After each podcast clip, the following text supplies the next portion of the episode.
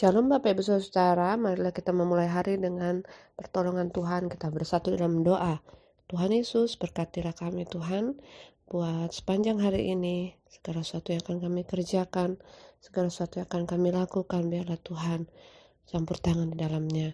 Kami bersyukur buat penyertaan-Mu pada hari yang telah berlalu. Kami tahu Tuhan bahwa hari ini pun Kau ada bersama-sama dengan kami. Kami percaya kuasamu dan kehadiranmu dalam hidup kami. Ini kami Tuhan, anak-anakmu, kami siap untuk belajar firmanmu dalam nama Yesus kami berdoa. Amin.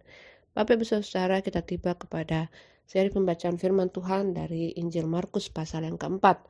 Dan ada beberapa perumpamaan di dalam Markus pasal 4. Ayat yang 1 sampai ayat yang 19 berbicara tentang perumpamaan tentang seorang penabur.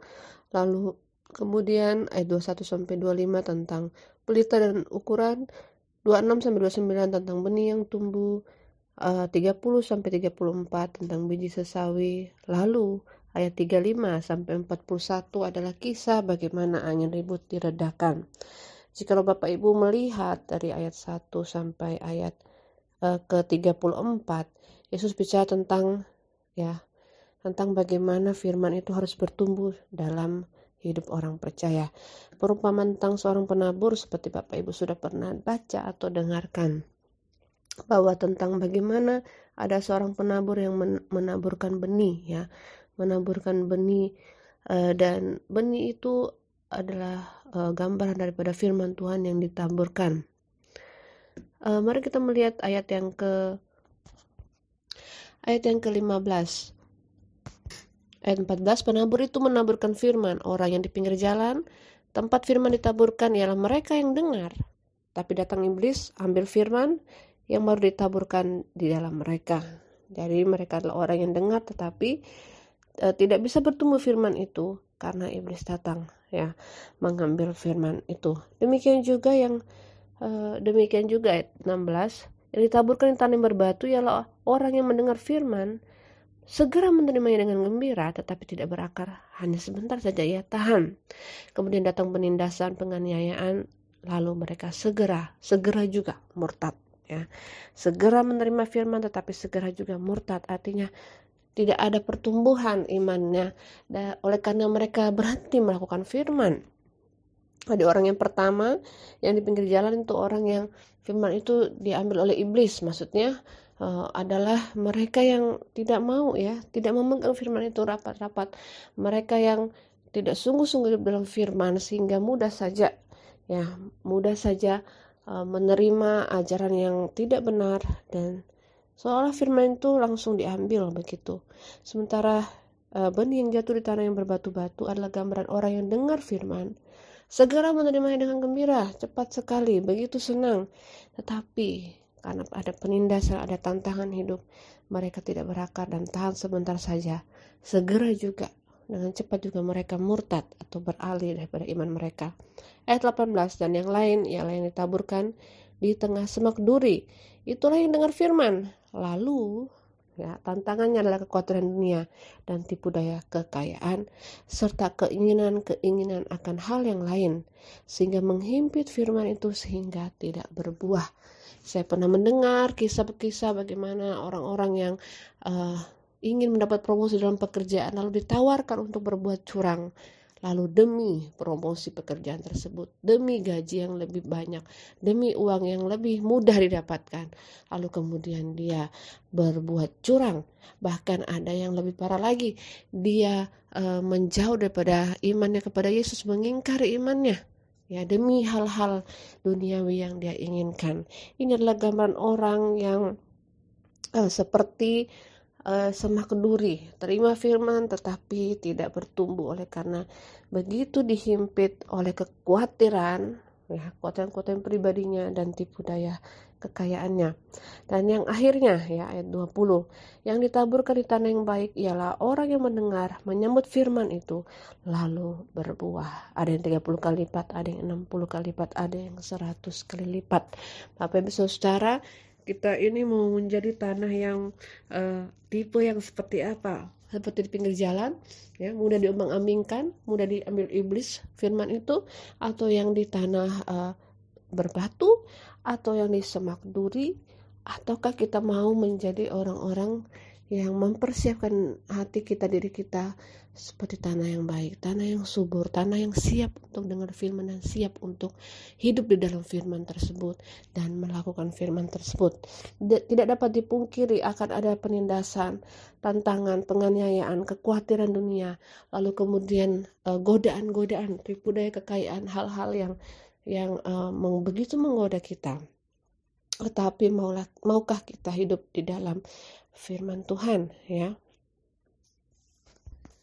Nah, yang menarik Bapak Ibu Saudara di uh, perikop terakhir ayat 35 sampai 41 di situ diselipkan uh, kisah atau pengalaman para murid-murid ya, pengalaman para murid-murid ketika mereka uh, masuk dalam perahu ya hendak bertolak ke seberang.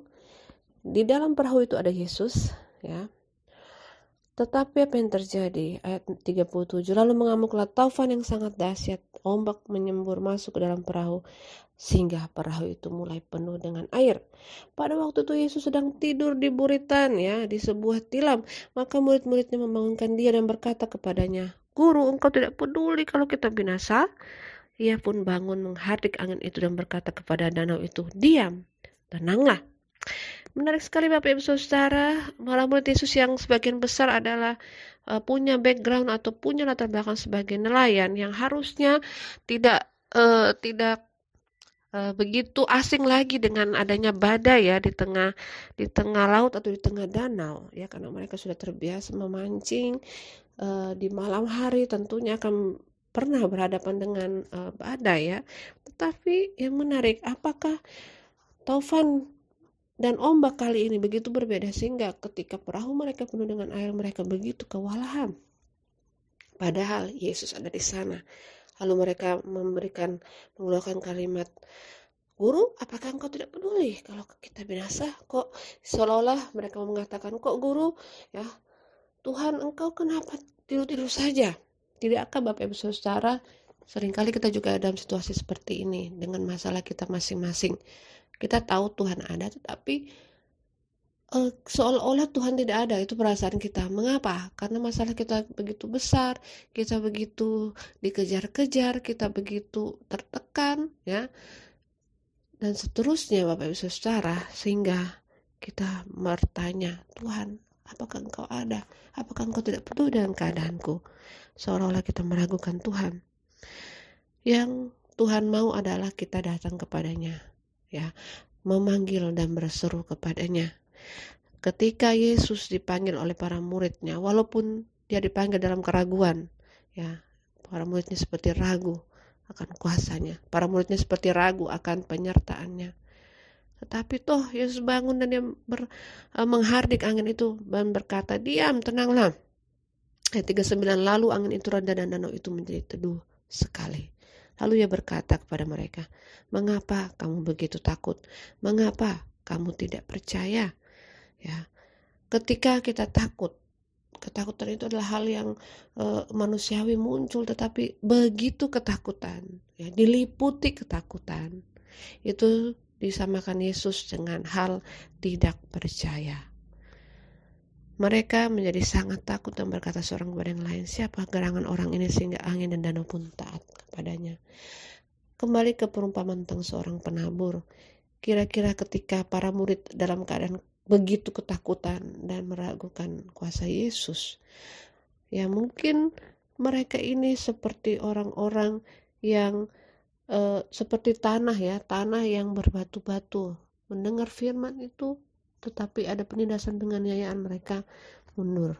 Atau mereka seperti tanah yang ada semak durinya. Waktu dengar firman ya kemudian kekhawatiran dunia menghimpit mereka lalu segera mereka tidak berbuah. Nah rupanya Bapak Ibu Saudara dalam hidup kita sebagai orang Kristen kadang-kadang ya bisa saja kita hari ini kita baik sebaik saja. Hari ini kita kuat menghadapi tantangan. Hari ini firman itu bertumbuh tetapi besok besok akan ada lagi tantangan demi tantangan kadang-kadang kita digoyahkan kadang-kadang kita ada kekhawatiran diliputi kekhawatiran dan ketakutan dan godaan begitu nyata terus menerus datang. Bapak Ibu satu hal yang pasti jangan kehilangan iman. Amin. Tetap percaya walaupun di saat kondisi kita mengatakan Tuhan tidak ada ya. Seolah-olah dalam dalam perasaan kita oh Tuhan tidak menolong dan seterusnya. Tuhan tidak campur tangan. Tidak Bapak Ibu percayalah Tuhan ada di sana. Kita hanya perlu memanggil kepadanya kita hanya perlu berseru terus menerus kepadanya dan percaya tetap hidup dalam firman-Nya sampai Tuhan menyatakan kuasanya menolong kehidupan kita. Amin. Mari kita satu dalam doa. Terima kasih Bapak Surgawi buat anugerahmu yang besar dalam hidup kami. Ini kami anak-anakmu Tuhan, pakai kami sesuai kehendakmu, pimpin kami dalam apa yang menjadi rancangan dalam hidup kami. Ketika ada tantangan kehidupan, Tuhan kuatkanlah kami, tetaplah bersama-sama dengan kami, walaupun ketika kami merasa ragu, takut, dan khawatir, Tuhan peganglah tangan kami sehingga kami tidak tidak uh, tidak tenggelam lebih lebih jauh daripadamu. Ini hidup kami Tuhan kami berserah kepadamu dalam nama Yesus. Haleluya. Amin.